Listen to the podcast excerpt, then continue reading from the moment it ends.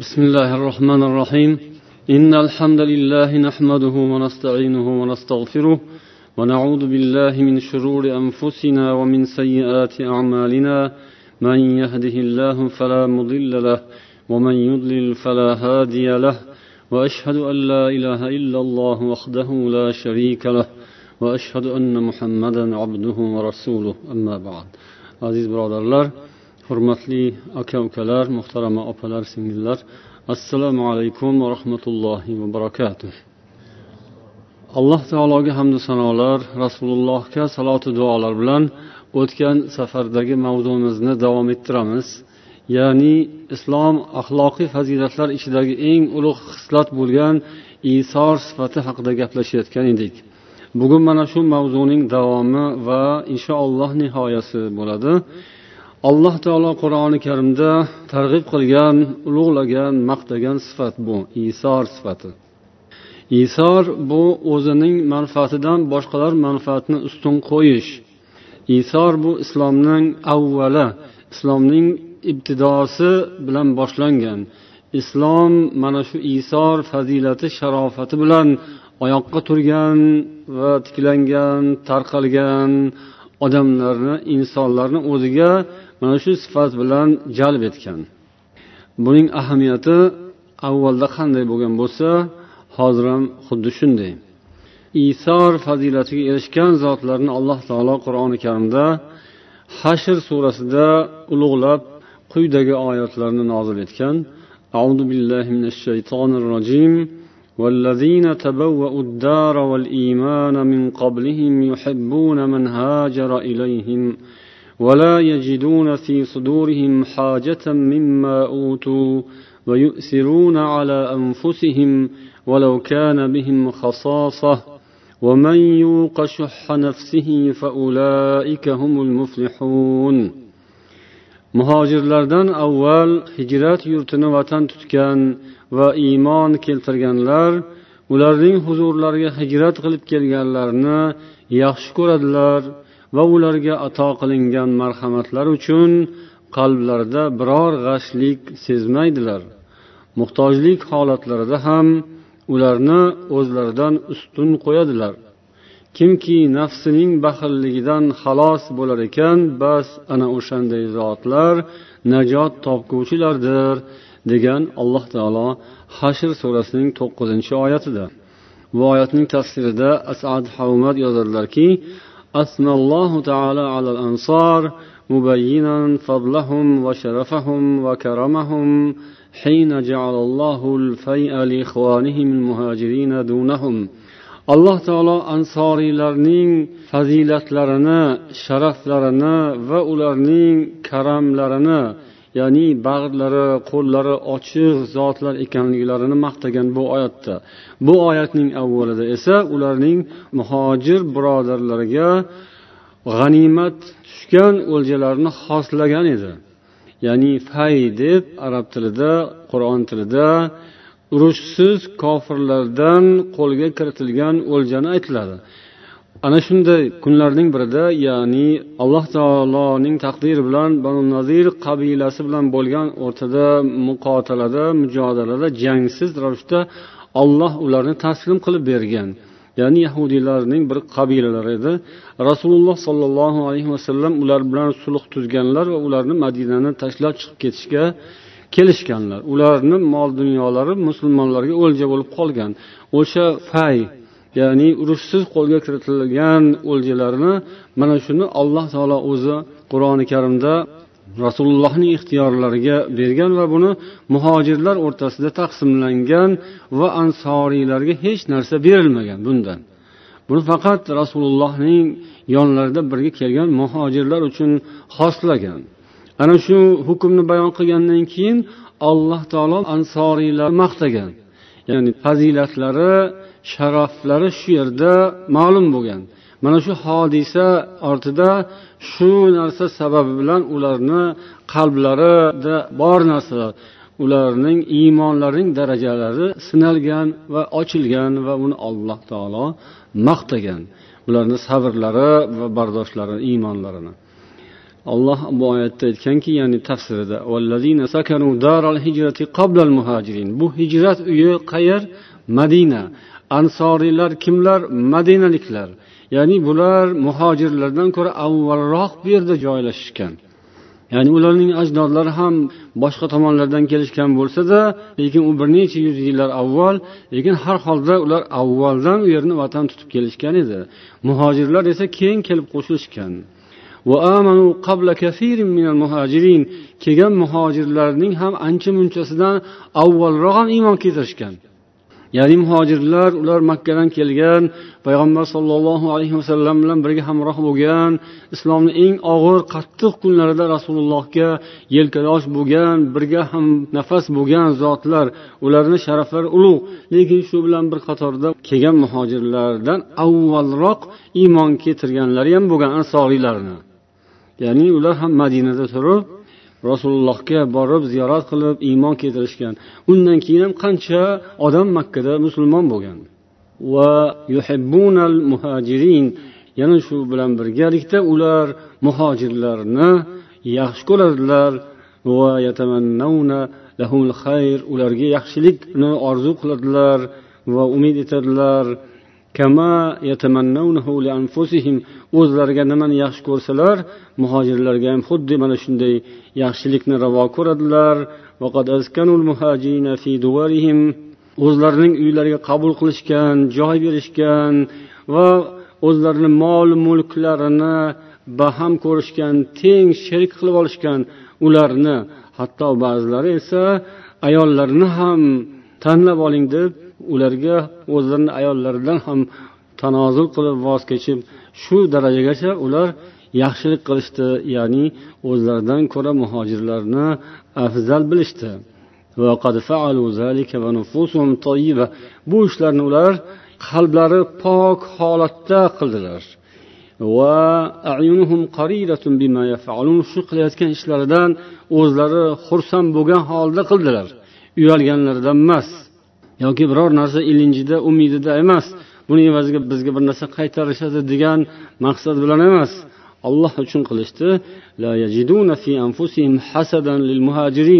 Muhojirlarga olloh nasib etgan ulug' fazilatga biror bir hasad ularni dillarida yo'q edi. Ular hal yuqorida aytganimizdek vatan avvaldan bularniki edi. Iymonga ham ba'zilar avvalroqdan kelishgan edi. Lekin shunday bo'lsa ham bularning darajalari muhojirlarni darajasidan bir daraja pastda edi quyida edi. Ularniki esa yuqorida edi va ularga olloh ba'zan xoslab marhamatlar berar edi. Bu o'rinda ham xuddi shunday bo'ldi. O'sha fay o'ljani olloh ularga xoslab berdi. Shunda ham bularni dillaridan biror bir g'ashlik o'tmadi biror bir hasad o'tmadi. Nimaga endi bular bizdan muqaddam bo'laveradi? Holbuki bizda bunaqa bunaqa bunaqa narsalar bo'lsa ham biz bularga yordam bermaganimizda bularning ahvoli nima kechardi? Bular qayerga borardi? Biz bularni qabul qilmaganimizda bularni joniga biz oro kirmaganimizda bularning ahvoli nima bo'lardi degan narsa zarrachasi ularni hayollariga kelmadi. Lekin munofiqlarda bu gaplar bo'lib o'tgan allaqachon. Ular doimiy ravishda ta'na va malomat toshini otib kelishgan. Ammo ansoriylar esa ollohning maqtaganicha bor edi. Ularni olloh qiyomatga qadar maqtaladigan qilib oyat nozil qilib qo'ygan. Mana shu oyatda. Va ular shunga haqiqatdan loyiq zotlar edilar. Ularning qalblari olloh uchun ma'lum edi.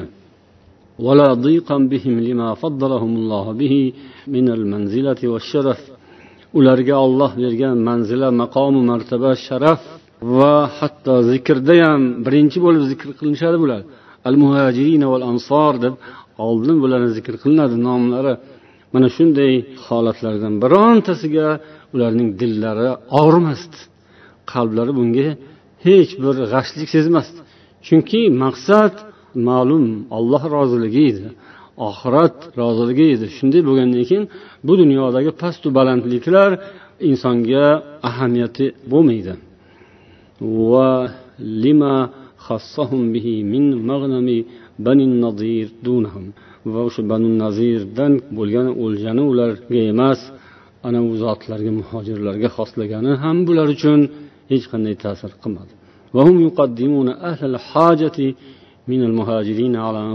Ular muhojirlar ichidagi muhtojlarni o'zlaridan ustun qo'yardilar. Muhtojlarga eng birinchi galda yordam ko'rsatishardi.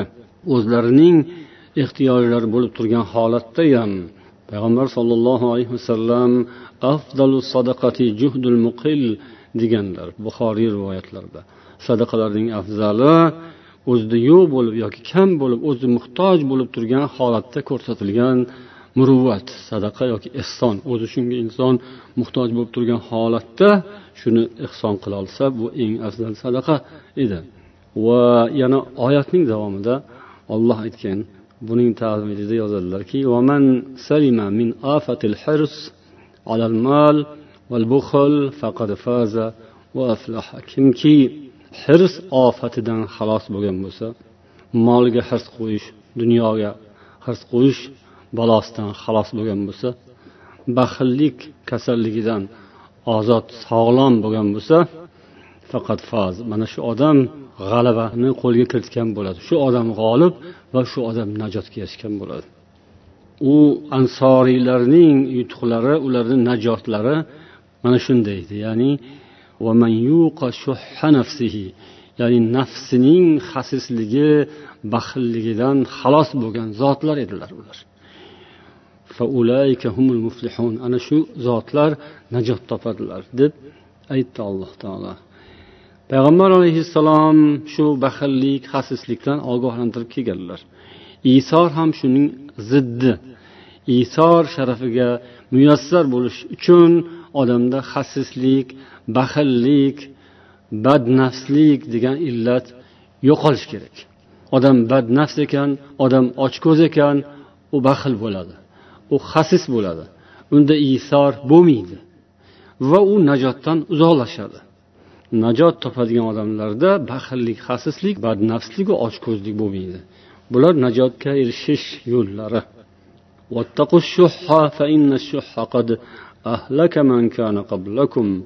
Shuh xasislikdan saqlaningiz chunki mana shu xasislik sizlardan avval o'tgan qavmlarni halok qilgan dedilar payg'ambar sollallohu alayhi vasallam.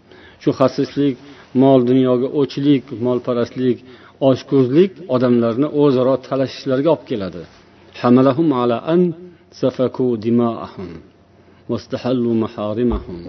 Ularni mana shu illat qonlarini to'kishgacha olib bordi. Shunday bo'lgan va harom narsalarni olloh chegaralab qo'ygan narsalarni oyoq osti qilib yuborishgan ya'ni buzib yuborishgan chegaralarni. Billah shundan saqlaninglar deb payg'ambar sollallohu alayhi vasallam ko'p ogohlantirganlar. Va mana shu illatdan xalos bo'lgan ansoriylarni alloh bu oyatda maqtagan va biz o'tgan safargi suhbatimizda eslab o'tgan bir hadisimizning zikrida mana shu oyat keltirilgan ya'ni o'sha hadis mana shu oyatni nozil bo'lishiga sabab bo'lgan hadis. Mana shu oyatni unda zikr qilmagan edik mana bugun alohida gapirdik. O'sha hadisda payg'ambar sollallohu alayhi vasallam oldilariga bir odam mehmon bo'lib kelgan. Uni mehmon qilish uchun ayollaridan so'rabdilar biror narsa bormi mehmonga? Yegulik deganda suvdan boshqa hech narsa yo'q deb javob qilishdi. Keyin uyog'i ma'lum. Ya'ni bu odamni kim mehmon qiladi deb so'raganlarida bir sahobiy ansoriy edi o'sha odam. O'rnidan turib olib ketdi uyga. Keyin u yoqdagi voqealar ma'lum. O'sha kungi hodisadan olloh taajjublandi kuldi rozi bo'ldi dedilar. Keyin mufassirlar aytishadi mana shu oyat nozil bo'ldi. Ya'ni bu faqat o'sha inson haqida emas balki u insonning bitta o'zi emas edi u shaharda. U inson mansub bo'lgan qavm qabila bor edi. Ya'ni kimlar ular? Ansoriylar edilar shularni olloh sharaflab shu oyatni nozil qildi. Ya'ni siz yaxshilikni qilaverasiz qilaverasiz bir nuqtasi keladi o'zi. O'sha nuqtasida keyin mukofotingizni olasiz. O'sha nuqtasi kelmasa balkim qilingan yaxshiliklar chala bo'lib qolishi mumkin nuqson bo'lib qolishi mumkin. Shuning uchun yaxshilikka ham baxillik qilmasdan olloh qodir qilganiga shukur qilib qilverish kerak. Davomli ravishda bo'lishi kerak. Uni olloh biladi qachon mukofotlaydi qachon javobini berishini olloh biladi shuning uchun hadeb qilaveramanmi emas. Hadeb qilaveraman alhamdulillah. Alloh qodir qilganiga shukur hadeb qilaverayin olloh qodir qilaversin olloh nasib etaversin shuni olloh manga nasib etganiga shukur chunki olloh uni tanlab beradi bu fazilat. Hammaga barobar bermaydi. Olloh o'zi biladi kimga berishini kim shunga loyiqligini kim allohning muhabbatiga loyiq sazovor munosib bo'lsa olloh o'sha muhabbatga sababini berib qo'yadi. Keyin o'shani sabab qilib o'ziga yaqinlashtirib oladi? Undan avvalroq olloh o'zi xohlagan bo'ladida sizni o'ziga yaqinlashtirib olish. O'shaning keyin sababini beradi. Shu sababini kimga olloh berayotgan bo'lsa albatta xursand bo'lish kerak. Demak uning qalbida hech narsa bo'lmaydi u odamni. G'illu g'ash adovat hasad bo'lmaydi. Xursandlik bo'ladi. Payg'ambar sollallohu alayhi vasallam hamma fazilatlarni o'zlarida mujassam etgan zot. Hozir shunga bir ikkita misollar eslab o'tamiz. Handaq g'azvasi bo'lgan shunda bo'lgan bir voqea. Buxoriy rivoyat qilganlar bu hadisni handaqni hammamiz bilamiz. Bizni ham tilimizda handaq chuqur o'ra uzun anhorga o'xshab qaziladigan handaq ya'ni mushriklar judayam ko'p sonda madinaga bostirib kelishgan paytda himoya vositasi sifatida handaq qazilgan madinani tashqarisiga. Va bu narsa sabab bo'lgan musulmonlar himoyalanishlari va ularga olloh g'alaba berishiga. Shu handaqni qazilayotgan paytda jobir ibn abdulloh rivoyat qiladilar roziyallohu anhu biz handaq qaziyotga bir qattiq joyga duch keldik. Nihoyatda qattiq edi u yer. Toshloq yer qattiq yer. Shundan keyin payg'ambar sollallohu alayhi vasallam oldilariga kelib aytishdiki judayam bir qattiq joyga duch kelib qoldik handaqda qazish juda qiyin. Yerni o'sha joyini sindirish chiqarish qiyin bo'lyapti deb. Keyin payg'ambar sollallohu alayhi vasallam man tushaman o'zim dedilar. Keyin o'rnlaridan turib o'sha joyga bordilar tushdilar. Qorinlarida shunda tosh bog'langan edi. Ya'ni ochlikdan biz bir necha kundan beri tuz tortmayotgan edik deydi jobir ibn abdulloh. O'shanday holatda haligi handaq qazilyapti og'ir sharoit odamlar och qattiq bir joy kelib qoldi. Buni eshitib rasululloh sollallohu alayhi vasallam o'zim tushaman dedilar. O'zlari bordilar va qo'llaridagi asbob bilan o'sha qattiq yerga bir zarb uruvdilar u mayda mayda bo'lib ketdi.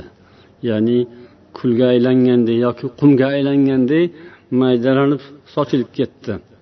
Keyin deydilar jobir ibn abdulloh man rasululloh sollallohu alayhi vasallamni holatlariga qarab turib aytdimki yo rasululloh ilal bayt man uyimga borishimga ruxsat bering.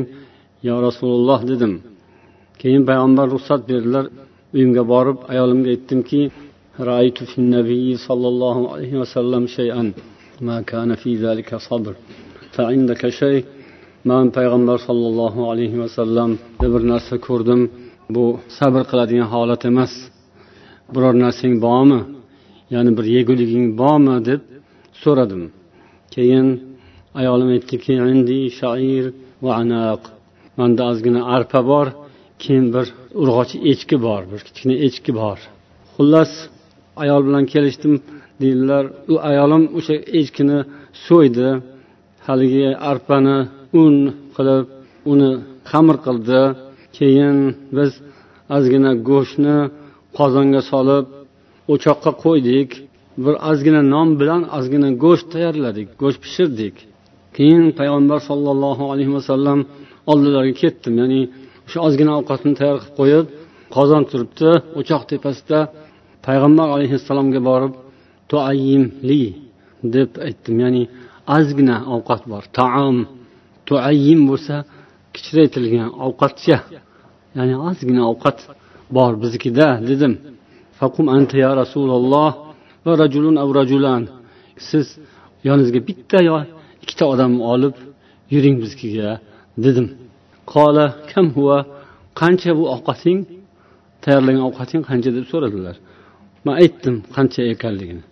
Kasir toyib dedilar. Ko'p ekan yaxshi dedilar. Keyin qullaha ayolingga borib aytgin man borguncha qozonni olmasin o'choq boshidan nonni ham tandirdan olmasin ochmasin. Shunday turgancha turib tursin man o'zim boraman dedilar. Keyin sahobalarga qarab qumu dedilar turinglar dedilar. Hammalari och ular ham bir necha kundan beri tuz totmayotgan. Muhojiru ansorlar hammalari o'rinlaridan turishdi. Keyin jobir borib ayoliga aytdi qarasa hammalari kelishyapti. Nabiy sollallohu alayhi vasallam ey holingga voy bo'lsin endi xotin. Payg'ambar sollallohu alayhi vasallam muhojirlar va ansoriylarni hammasini olib kelyaptilar ku endi nima bo'ldi? Bo'lganlaricha bo'ldiku endi. Kim bo'lsa birga olib kelyaptilar keyin ayol hal saalak sandan so'raganmidilar o'zi? Ya'ni biz holatimizni nimaligini so'raganmidilar aytganmiding? Ha aytganman. Naam. Payg'ambar sollallohu alayhi vasallam aytdilarki kiringlar. Lekin shov shuv qilmasdan sekin ah ohistalik bilan kiringlar dedilar. Kirishdi. Keyin payg'ambar sollallohu alayhi vasallam o'sha tayyorlangan nondan bir burdani olib go'shtdan ham ozginani olib ustiga qo'yib bitta bittalab bera boshladilar sahobalarga. Va turgan joyida haligi ovqatni ochmadilar. Ozgina ochib sindirib olib ustini yana o'rab qo'ydilar. Keyin berdilar. Mana shunday qilib nonni ham qozonni ham ustini ochmasdan olib ozgina ozgina olib olib beraverdilar beraverdilar beraverdilar. Hammaga ulashib chiqdilar. O'sha yerda muhojirlaru ansorlarning hammalari to'yishdi. Keyin haligi qozon yana o'shanday turibdi non o'shanday turibdi qolgani turibdi. Keyin aytdilarki kuli haza haligi ayolga qara endi o'zing yegin bundan va xohlaganingcha hadya qil. Odamlarga sadaqa ehson qil. Chunki odamlar hammasi och. Ya'ni shahar aholisi ham och. Chunki u yoqda dushman turibdi. Odamlar bori yo'g'ini askarlarga mujohidlarga beradiku unaqa paytda jangchilarga beradiku.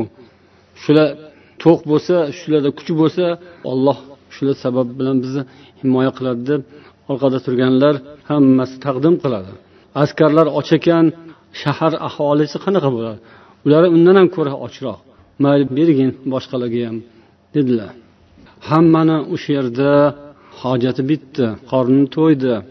Bu misolda ham ikkita nuqtani e'tiborga olishimiz mumkin. Payg'ambar sollallohu alayhi vasallamning isor sifatlari hislatlar birinchisi og'ir mehnatni o'z zimmalariga oldilar. Ichinglarda kim pahlavonroq kim bor polvonrog'inglar tushinglar desalar ham bo'lardi. Man o'zim dedilar indamasdan mashaqqatni o'zlarini ustilariga oldilar. Ya'ni o'sha jon rohati yoki og'ir mashaqqatdan chekiladigan kulfat mashaqqat qiyinchilikni o'z zimmasiga olish va uning muqobilidagi biroz tin olish yoki dam olish yoki jonini qiynatmaslik birovni qiynamaslikni uning muqaddam tutish ya'ni boshqani manfaatini haqqini demaymiz faqat manfaatini. Manfaat bilan haqni farqi bor. Haqni ham muqaddam tutish bor manfaatni ham muqaddam qo'yish bor. Ya'ni boshqaning manfaatini foydasini ustun qo'yish o'zidan ko'ra. Bu narsani ko'ramiz birinchisi. Ikkinchisi taom. Tarqatayotgan paytda taom taqdim etayotgan paytda o'zlari yeb ko'rdilar yeb boshladilar degan ibora yo'q bu yerda. Balki boshqalarni hammasini to'yg'azdilar endi yana bir hadisda buxoriy va muslim rivoyat qilgan hadis buni biz ummu sulaymni uyidagi mo'jiza deb atashimiz mumkin. Ummu sulaym kim? Ummu sulaym mashhur bir sahobiy yigitchaning onasi. Kim edi u sahobiy?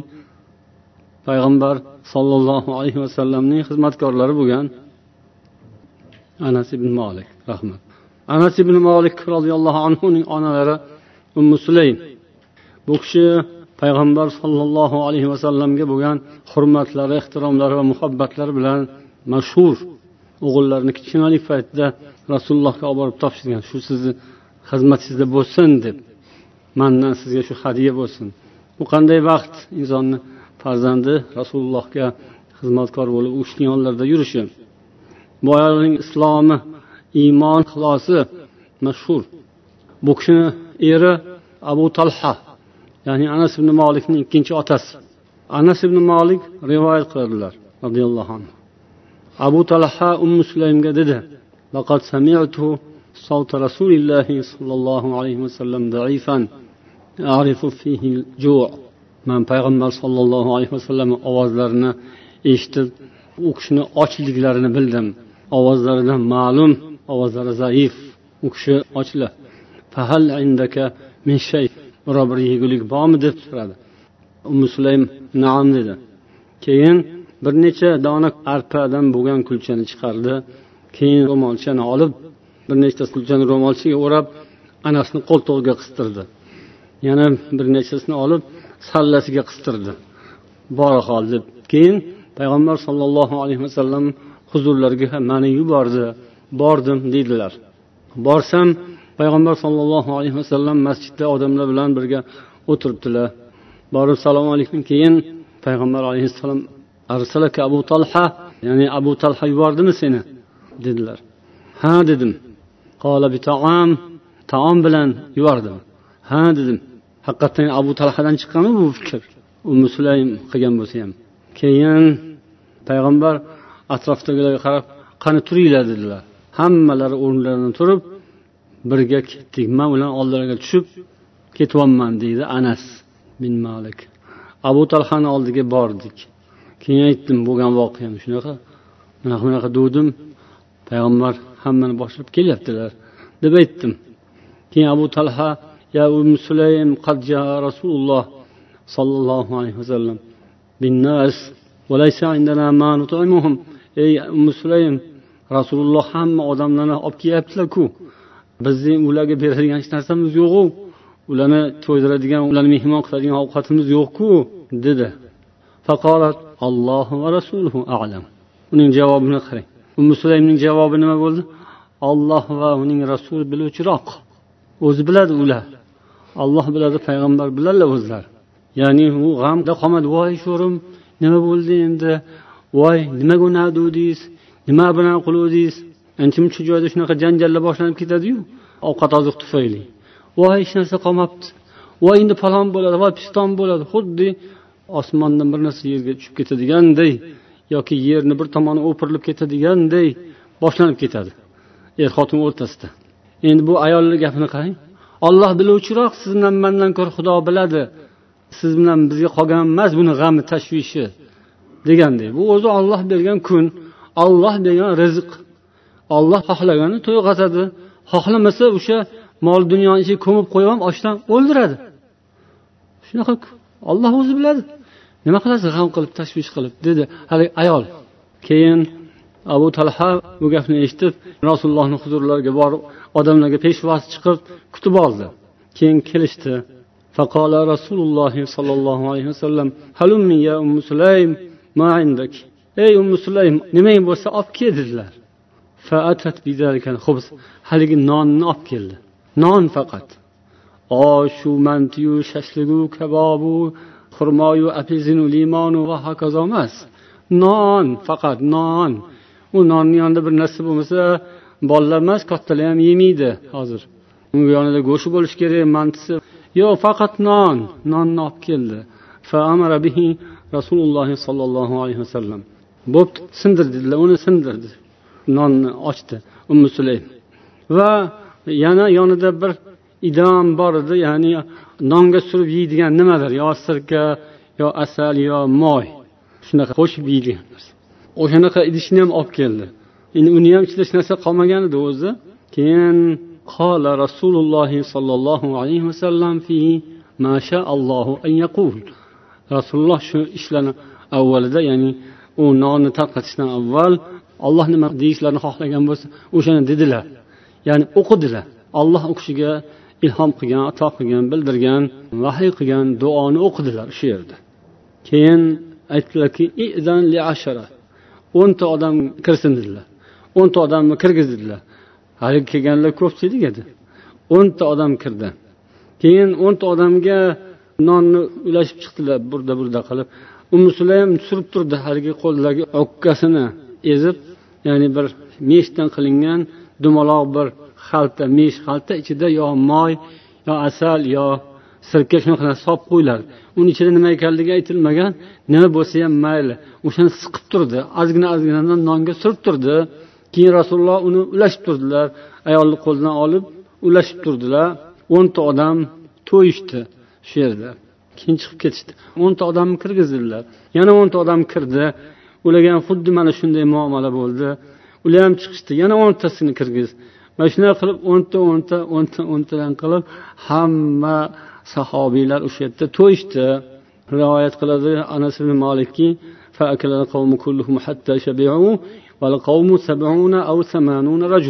o'shanda odamlar yo yetmishta yo saksonta odam bor edi o'sha yerda deydilar roziyallohu anhu.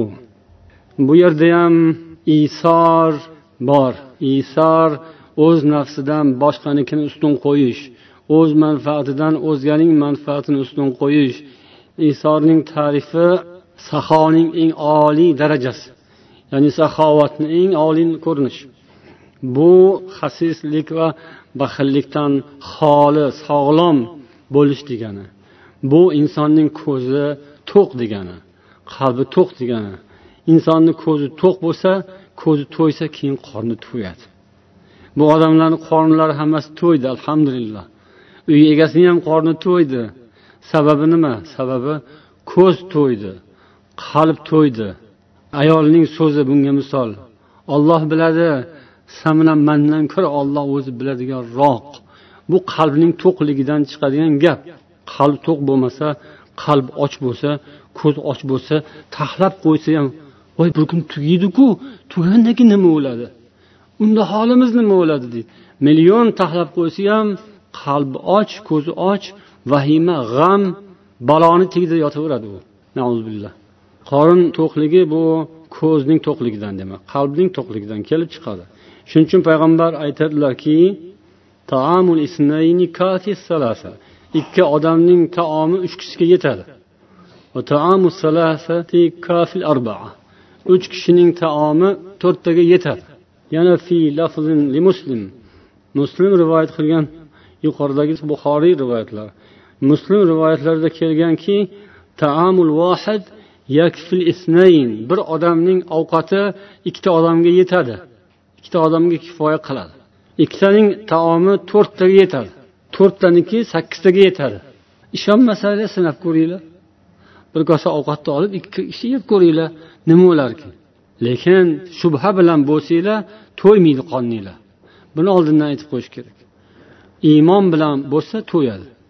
Iymon bilan bo'lsa uni qalbingiz oldindan to'lib qorningiz ham to'yib qoladi. Olloh to'yg'azadigan zot. Yurak keng bo'lishi kerak buning uchun. Yurak toza bo'lishi kerak sog'lom bo'lishi kerak. Iymon o'sha yerga o'tiradi. Pokiza qalbga iymon keladi. Kir qalbga iymon kelmaydi nifoq keladi. Billah fizq fujur keladi. Yurak keng bo'lsin. Ko'ngil to'q bo'lsin. Keyin qornim to'yadi inshaalloh. Ya'ni kifoya qiladi. Kifoya. To'yish bu bir ibora bu ta'rif bu ifoda bu. To'yish shunaqa ifodaki bir ko'rinish lekin olloh o'zi kifoya qildirib qo'yadi. To'ymasa aytishadiyu qariyalar hikoya qilishadi ocharchilik paytida o'tirib olib o'n kosa ovqat yeb ham odamlar to'ymasdi. Bir necha laganni bitta odam yeb qo'yardi bitta savatdagi nonni bitta odam yeb qo'yardi lekin to'ymasdi. Deyishadi. Billah olloh asrasin. Ya'ni o'sha olloh sinaydi odamni. Ochlik bilan sinaydi kambag'allik bilan sinaydi. O'shanda ancha muncha odam sinovdan o'tolmay yiqiladida ya'ni ocharchilik bo'lganda ham voy dod tamom bo'ldi deydida ancha muncha odam. Astag'firulloh yo'q. Xudo asrasin. Qattiq sinovlardan olloh asrasin. Bilmaymiz kim qanday dosh beradi gapni gapiraveradiku odam amalga kelganda bilmaymiz. Shuning uchun allohdan yordam so'raymiz allohdan panoh so'raymiz ilohim yengil oson qilib bergin sinovlaringni deb. Ya'ni olloh o'zi ko'rsatadida shu narsalarga ollohning diniga ishonmagan iymoni mustahkam bo'lmagan odamga qiyin. Iymon bo'lsa oson. Olloh o'zi oson qilib qo'yadi. Alloh hammamizga oson qilsin. Endi mana bu hadisni biz sarlavha qo'yadigan bo'lsak g'am kulchadan yaxshiroq taom deb aytishimiz mumkin. G'am alam kulchadan ko'ra yaxshiroq bo'lgan taom haqidagi bir hadis. Bu hadisni avvalda eshitgansizlar lekin hozirgi mavzuga muvofiq bo'lgani uchun yana takrorlaymiz. Agar eslasanglar eslab bo'lgandirsizlar. Nima haqida ketayotgan? Oysha roziyallohu anhu onamiz zavjun nabiy sollallohu alayhi vasallam payg'ambar alayhissalomning zavjai mutahharalari jufti halollari bir kuni miskin bir hech narsasi yo'q odam tilanchilik qilib keldi. Oysha onamiz ro'zador edilar. Uylarida bir dona kulcha bor edi. O'sha kulchani berib yubor dedilar. Keyin haligi xizmatkor qiz nima dedi eslab olinglar. Siz kechqurun iftorda yeydigan narsangiz yo'q. Bundan boshqa narsa yo'q iftorlikka. Berib yubor o'shani dedilar. Berib yubordi keyin kechqurun bo'lganda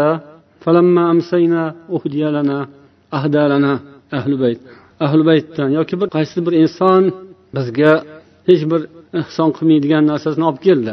Bizga bir ehson tashlab ketdi hadya shatan va kafan. Bir qo'yni kafani bilan bu deganlari ustidagi o'ramasi bilan ekan. Qo'y pishirilgan go'sht ustiga kafani ya'ni o'ramalari ham non kulchalarni yopib qo'yishar ekan go'shtni ustiga. Tashlab ketdi. Keyin oysha onamiz aytdilarki kuli min haza ana endi bundan yegin dedilar. Haligi cho'riga xizmatkor qizga mana bu sani kulchangdan ko'ra bu yaxshiroq. Ya'ni aytish mumkin san o'sha kulchani berib yuborsak kechqurun nimani yeymiz deb g'am qiluvdingku o'sha sani g'amga qo'ygan kulchadan bu yaxshiroq. San o'sha g'am kulchangdan bu yaxshiroq. U g'am kulcha edi anavi ya'ni shu hammasini o'zida jamlab turgan xuddi odamni jonini o'sha ichiga bekitib olgan kulcha edi go'yoki. Hamma dunyo o'shani ichida edi. Kimning ko'ziga shunaqa ko'rinadida astag'firulloh och bo'lsa ovqati yo'q bo'lsa uyda bir dona kulchasi bo'lsa birov o'shani so'rab kelsa o'shanda ko'ziga dunyo o'sha kulchani ichiga joylashib olgandek ko'rinadi. Joni o'sha yerdadek ko'rinadi. Shuni berib yuborsa bo'ldi joni ketib qolgan yoki dunyo ketib qolgan. Bu g'am kulcha bu. O'sha g'am kulchangdan ko'ra mana bu yaxshi ol buni yey qol dedilar.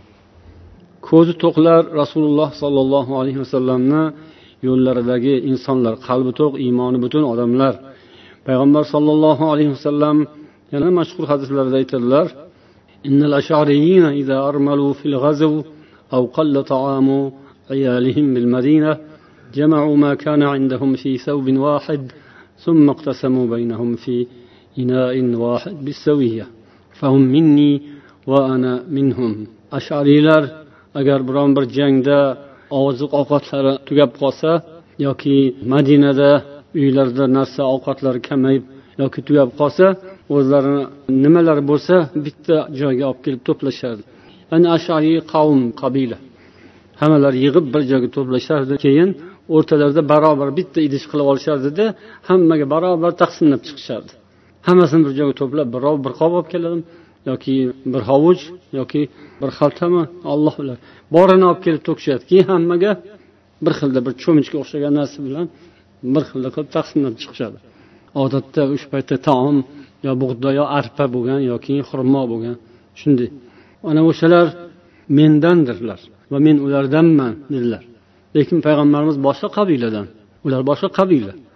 Lekin sharafda man bilan barobar o'shalar birgadirlar. Meni yonimda man ham o'shalardanman o'zlarini o'shalarga nisbat berdilar ularni sharafini alloh huzuridagi sharafi ulug' ekanligini bilganlari uchun ya'ni shunday og'ir kunlarda ayniqsa odamlarni ko'zi o'ynaydi o'shanday kunlarda qalblar ag'dar to'ntar bo'ladida o'shanday qattiq kunlarda odamni asli qiyofasi ochiladi to'q kunlarda boshqacha bo'lishi mumkin قال ابن عمر رضي الله عنهما أهدي لرجل رأس شاة ibn umar roziyallohu anhu rivoyat qiladilar.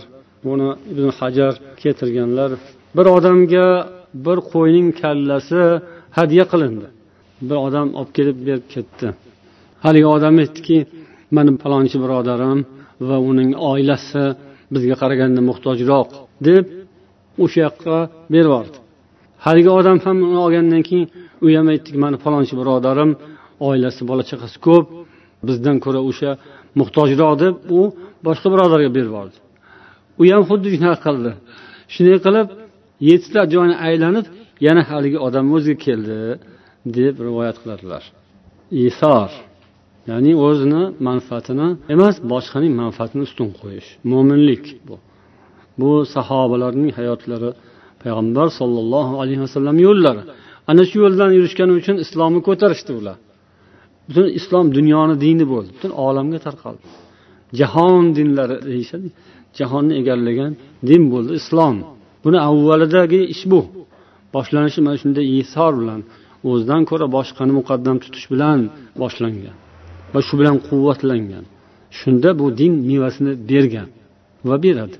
Bugungi kunda ham agar shu narsani biz tadbiq qila olsak shunga biz ko'nsak shunga ishonsak va shunga rozi bo'lib xursand bo'lsak keyin bu islom o'zini mevasini beradi. Qiyinchilik paytidagi ehson isor bu alohida. Mana hozir qo'yning kallasi haqida gap ketyapti. Hozir qo'yni kallasini odamlar otib yuborib ketadi. Agar aytilsaki shvetsiyada yoki saudiyada odamlar qo'y kalla pochasini otib yuboradi saudiyada qumga otib yuboradi shvetsiyada o'rmonga otib yuboradi olib ketmaydi uyiga desa balkim o'zbekistondagilar buni eshitib hayron bo'lsa kerak.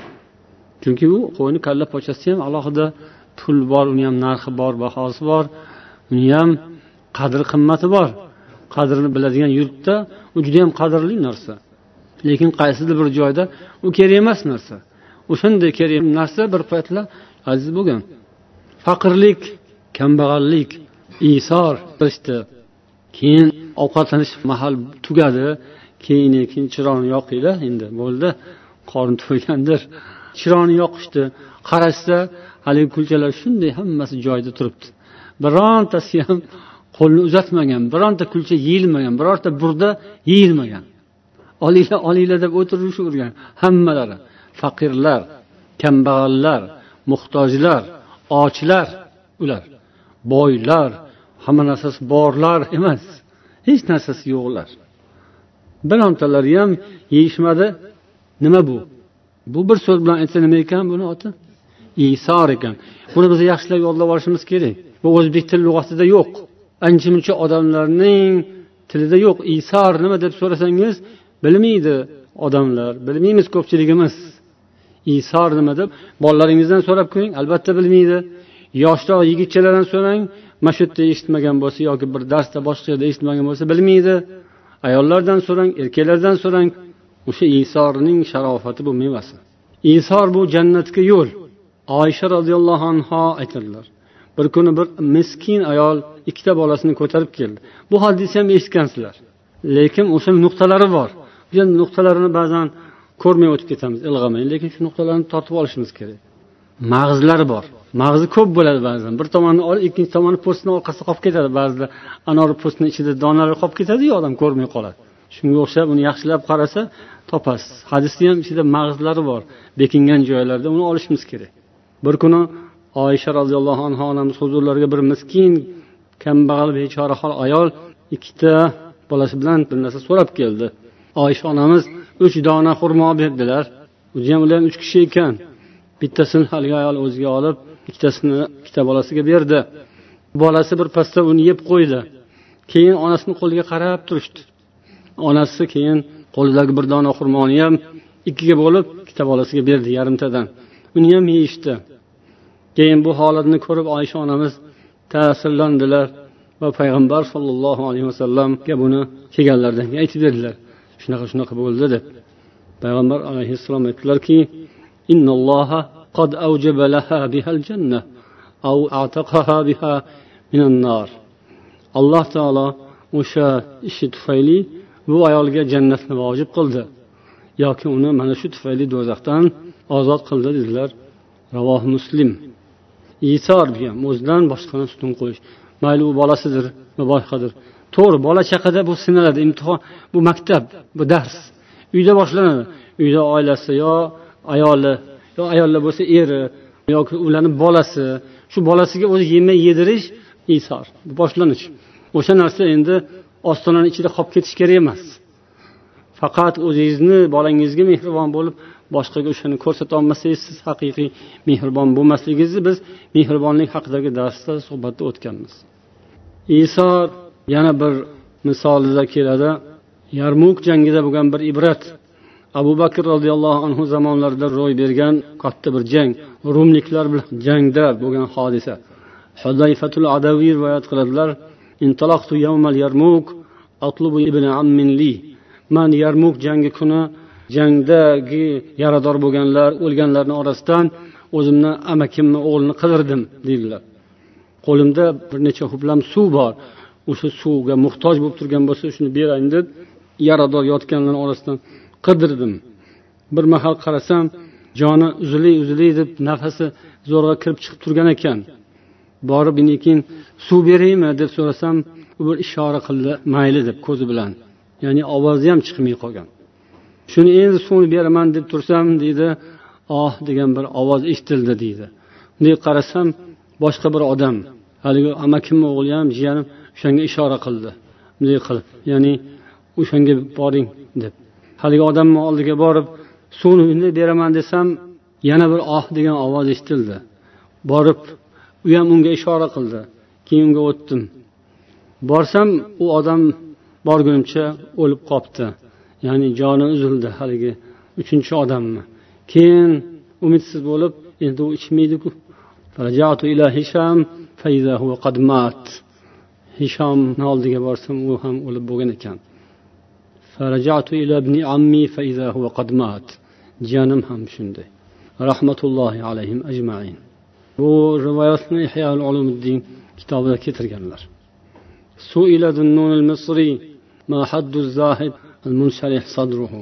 Qalbi ochiq zohidlik chegarasi qanday deb so'raldi deydilar zunnun misriydan u kishi aytdiki tafriqul majmu va tarku talabil mafqud zohidlik ya'ni dunyoparast bo'lmaslik dunyoga mukkasdan ketib qolmaslik buning chegarasi shuki yig'ilib to'planib qolgan narsani tarqatish va o'zi mafqud yo'q narsa bo'lsa uni qidirishni tark qilish ya'ni hojatsiz ortiqcha narsani qidirib ketga tushib olib o'zini hol jonini qiynab o'tko'choqqa urish hojatdan tashqari. Qut degani kundalik yemish qut yavm bir kunlik taom. Bir kunlik taom bo'lganda esa o'zidan boshqani shunga ravo ko'rish. Suhbatimizni nihoyasiga kelyapmiz. Buning avvalida shu nihoyasidan ozgina oldin biz isor qarshisida qanday bo'lishimiz kerakligi haqida ozgina to'xtab o'tamiz. Ya'ni isor boshqaga taqdim qilish. Endi o'sha boshqaning ham holiga bir nazar solish yoki o'zimiz agar o'sha boshqa bo'lib qolsak bizga kimdir isor qilsa shunda inson qanday o'zini tutish? Ha isor qildi ha rahmat. Ha yaxshi bo'ldi zo'r bo'ldi. Yaxshi bo'ldi isor qilgan odamga. Lekin isorga ro'baro kelgan odamchi u ham mo'min u ham musulmon u ham ajr savob olishni istaydi. Hali isor qilayotgan odam qanchalik ajrga muhtoj bo'lsa bu ham shunday. Anas ibn molik rivoyat qiladilar abdurahmon bin avf madinaga kelgan paytda payg'ambar sollallohu alayhi vasallam u bilan sad ibn rabiani aka uka birodar qilib qo'ydilar. Ya'ni bir muhojirni bir ansoriyga aka uka qilib qo'ygandilarku. Shunda sad ibn rabi ansoriy boy odam edi. Ikkita ayoli bor edi. Aytdiki bitta ayolimni beraman senga tanlagin o'shani taloq qilaman.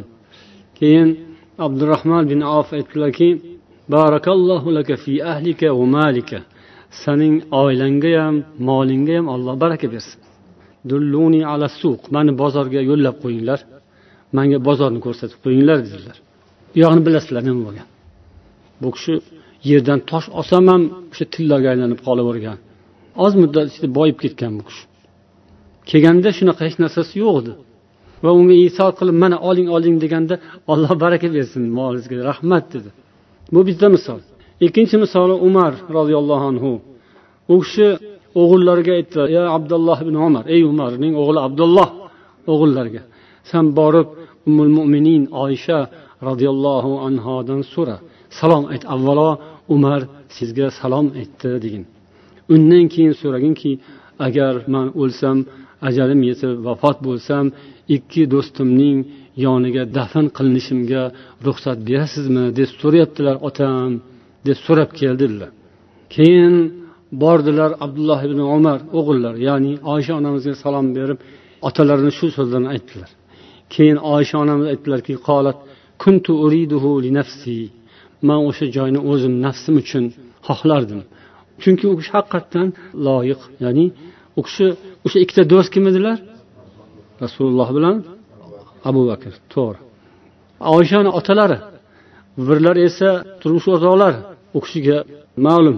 Man o'sha joyni o'zim uchun deb mo'ljallab nafsim uchun o'zim uchun deb yuruvdim. Lekin endi bugun mayli umarni man o'zimdan ko'ra ustun qo'ydim. O'zim nafsimdan ko'ra umarni man taqdim qildim dedilar. Isor bo'ldi.